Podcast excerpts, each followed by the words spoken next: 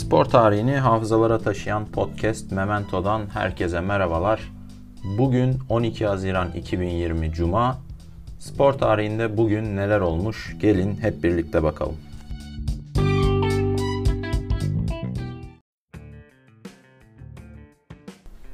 Güne bir atletizm olayıyla başlayalım. Kanadalı atlet Ben Johnson 12 Haziran 1989'da doping kullandığını itiraf etmiş. Zaten kendisinin doping yaptığı yarıştan 3 gün sonra ortaya çıkmış ve 1988 Seul Olimpiyatları 100 metre finalinde 9.79'luk dereceyle dünya rekoru kırarak ulaştığı altın madalya elinden alınmıştı ve kendisi 2 yıl spordan men edilmişti. Ee, Johnson yaptığı itirafta doping kullanan pek çok atletten biri olduğunu fakat yakalananın kendisi olduğunu belirtiyordu.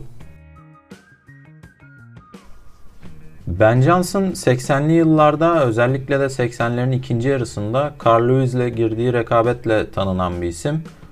Carl Lewis ile girdikleri e, tatlı olacak kadar masum olmayan bir rekabetleri var. Baya birbirlerine laf falan atıyorlar ve birbirlerini dönüşümlü şekilde geçiyorlar farklı yarışlarda.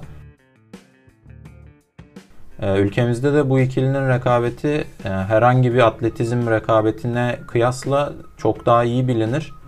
E, ben bunda bu ikilinin zirve mücadelelerini yaptıkları 88 Seul Olimpiyatlarının Naim Süleymanoğlu dolayısıyla ülkemizde yakından takip edildiği ile alakası olduğunu düşünmekteyim naçizane.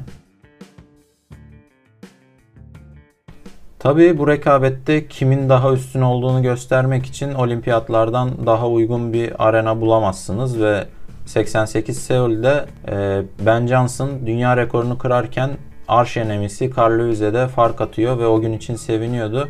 E, fakat altın madalya Ben Johnson'dan alınınca Carl verilmişti. İkinci o bitirmişti yarışı. O da muhtemelen kendi kendine son gülen iyi güler tarzı bir şeyler demiştir.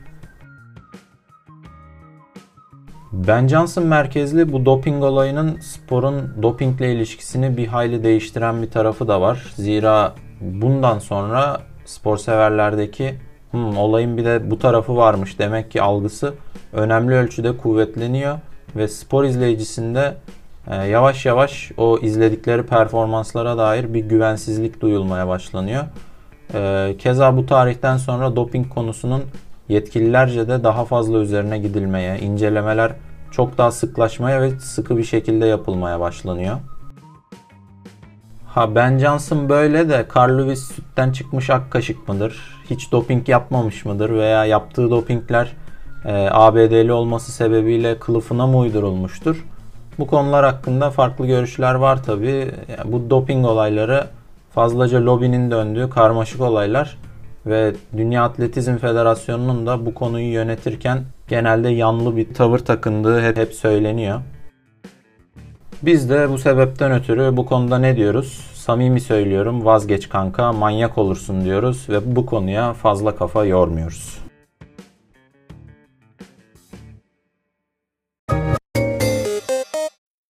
Basketbolla devam edelim.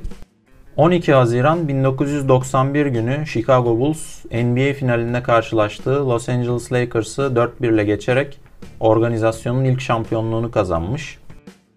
Chicago Bulls'un ve Michael Jordan'ın üzerine sayısız içerik üretildi zaten ve bu hikaye sayısız defa sayısız kişi tarafından anlatıldı. Zaten en son geçtiğimiz aylarda çıkan The Last Dance belgeselini izlemeyen basketbol sever de yoktur diye düşünüyorum. Yani bu hikayeyi bir de benden dinleyin diyecek durumda değilim. Elimde böyle bir malzeme yok fakat e, anmadan da geçmek istemedim. Zira önemli bir tarih başlangıç olması açısından. E, benim bu konuda tek söylemek istediğim şey var. O da Jerry Krause'nin muhtemelen NBA'in gelmiş geçmiş en büyük GM'i olduğu ve kendisine büyük haksızlık edildiği toprağın bol olsun Jerry Krause.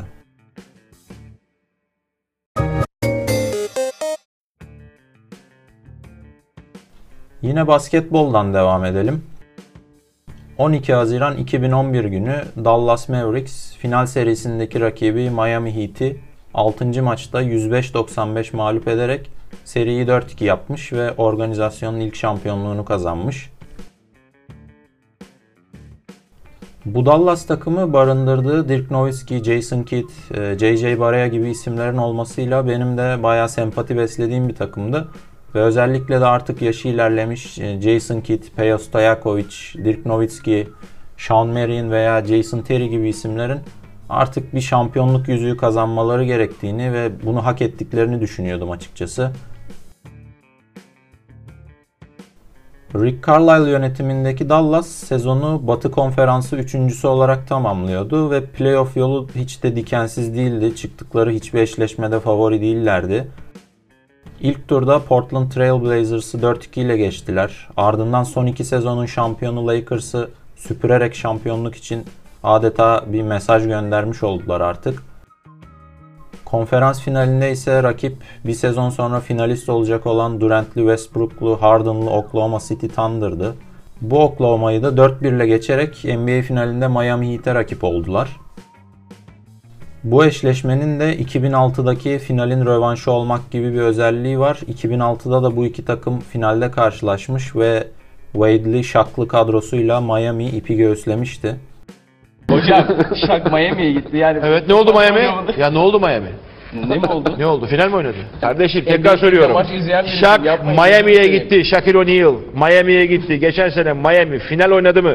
Final oynamadı da finali kaçırdı yani Ben sonuçta. onu Son anlamam derece abi. iyi bir performans Shaq ortaya iyiyse koydu. final oyna. Finali kaçır. Tamam, bu sene Finalde oyna. oynarlar belki. Oynayamaz. Sonuç olarak sen defans Shaq bir daha hayatı boyunca Sonuç şampiyonluk olarak göremez. defans 2011 finalinde de favori aslında sezon öncesi LeBron, Wade ve başı bir araya getirerek Big Three'yi oluşturmuş olan Miami'ydi. Miami normal sezonu 58'e 24 ile tamamlamış. Finale de pek zorlanmadan gelmişti ve yüksek tempolu bir oyunla yaşlı Dallas'ı geçmeleri bekleniyordu. Şampiyonluğa ulaşmaları bekleniyordu. Keza seride Miami Dallas'taki 3. maçı kazanarak 2-1 öne de geçti. Fakat Dallas bu şampiyonluğu almaya gayet kararlıydı ve seriyi son maçı Miami'de olmak üzere 4-2 ile kazandılar. Bu finalin MVP'si 26 sayı ve 9.7 rebound ortalamalarıyla Dirk Nowitzki oluyordu. LeBron ise yine bir şampiyonluk yüzüğü kazanamayarak kendisini sorgulayanlara malzeme vermeye devam ediyordu. Kendisinin ilk yüzük için bir yıl daha beklemesi gerekecekti.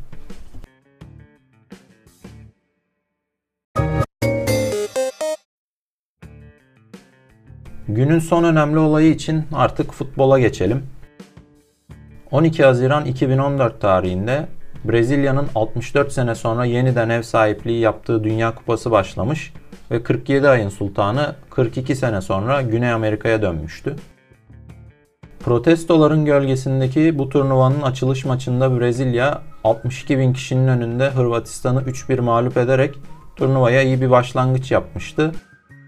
Gol çizgisi teknolojisi ve serbest vuruşlarda baraj önüne çekilen köpükler gibi günümüzde artık e, gayet oturmuş olan futbolun bu yenilikleri de ilk defa bu turnuvada uygulanmaya başlanmıştı.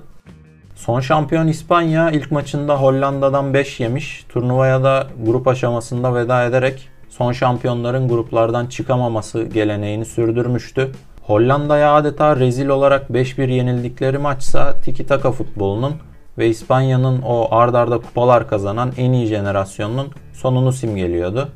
Grupta kalanlar kervanına Portekiz, İngiltere ve İtalya gibi güçlü ülkeler de dahil oluyor ve İtalya ile Uruguay'ın arasındaki grubun son maçında Suarez'in Chiellini'yi dişlemesi ayrı bir tartışma başlatıyordu. Grup aşamasında bir diğer bahsedilebilecek olay Japonya maçının 85. dakikasında oyuna dahil olan 43 yaşındaki eski Galatasaray kalecisi Ali Farid Mondragon'un turnuvalar tarihinin en yaşlı oyuncusu ünvanını elde etmesi olabilir. Son 16 turunda bence ilk olarak James Rodriguez'in şiir yazdığı Kolombiya'nın Uruguay maçına değinebiliriz. Grup aşamasında 3 gol atarak yıldızlaşan ve turnuvanın en öne çıkan ismi olan James, bir tanesi daha sonra yılın golü de seçilecek olan 2 golüyle bu performansına devam ediyor ve ülkesini çeyrek finale taşıyordu. Son 16'nın bir diğer maçında Şili son dakika direkten dönen bir topla ev sahibi Brezilya'yı kıl payı elinden kaçırmış ve penaltılara giden maçı da ev sahibi kazanmıştı. Fakat Scolari'nin takımı taraftarları memnun etmekten epey uzaktı. Çeyrek finalde Kolombiya ile Brezilya arasındaki James Rodriguez'in yine gol attığı maç. e, David Luiz'in bu sefer harika frikik golüyle Brezilya'nın olurken Brezilya tat vermemeye devam ediyordu. Bu maçın sonunda gözyaşlarına boğulan James'i tribünlere alkışlatan David Luiz'in o fotoğrafı da turnuvanın fotoğraflarından biri olmuştu. Bir diğer maçta o tura dek tarihinin en iyi performansını gösteren Costa Rica Hollanda ile karşılaşıyor ve maç penaltılara gidiyordu. Bu penaltılar öncesi Hollanda Teknik Direktörü Louis van Gaal'in kaleci değişikliği yapması penaltılar için absürt bir olay gibi karşılanıyordu. Fakat kaleyi devralan Tim Krul iki penaltı kurtararak Hollanda'yı yarı finale taşıyordu. Yarı finalin en hatırlanan maçı hakkında hiç kimsenin muhtemelen bir şüphesi yoktur. Belki de zaten Dünya Kupaları tarihinde daima hatırlanacak olan bir maç. Tat vermeyen Brezilya'nın Almanya'ya 7-1 yenilerek turnuvaya veda ettiği maç. Brezilya düzenlediği bir diğer Dünya Kupası 1950'nin finalinde Uruguay'a dramatik bir şekilde mağlup olmuştu ve turnuvayı öyle kaybetmişti. Yine düzenledikleri bir kupada bu sefer dramatikten ziyade çaresiz ve güçsüz bir şekilde turnuvaya veda ediyorlardı. Bu maçta gol atan Miroslav Klose de 16 golle turnuvalar tarihinin en golcü ismi oluyordu. Bir diğer yarı final maçı Cüneyt Çakır'ın yönettiği Arjantin Hollanda'ydı ve maç yine seri penaltılara kalmıştı. Bu sefer kaleci değişikliği yapmayan Van Hal belki de bu yüzden finalden olmuştu. Almanya ile Arjantin kupalar tarihinde 3. kez finalde karşılaşırken bu maç 78 bin kişinin önünde Maracana'da oynanıyordu ve aşırı sıkıcı bir maçtı. Hatta ben de bu maçı izlediğim esnada uyuyakaldığımı hatırlıyorum. Bir Dünya Kupası finali için hayal dahi edemeyeceğim bir olay benim şahsen. Nihayetinde Almanya herkes penaltılara gidecek diye beklerken Götze'nin 113. dakikada attığı golle kupaya uzanmış ve ev sahibi karşısındaki 7-1'lik galibiyetle zirve yapan kupa performansını taçlandırmıştı. Ve bu kupayla Almanya Amerika kıtasında şampiyon olan ilk Avrupa ülkesi olmuştu.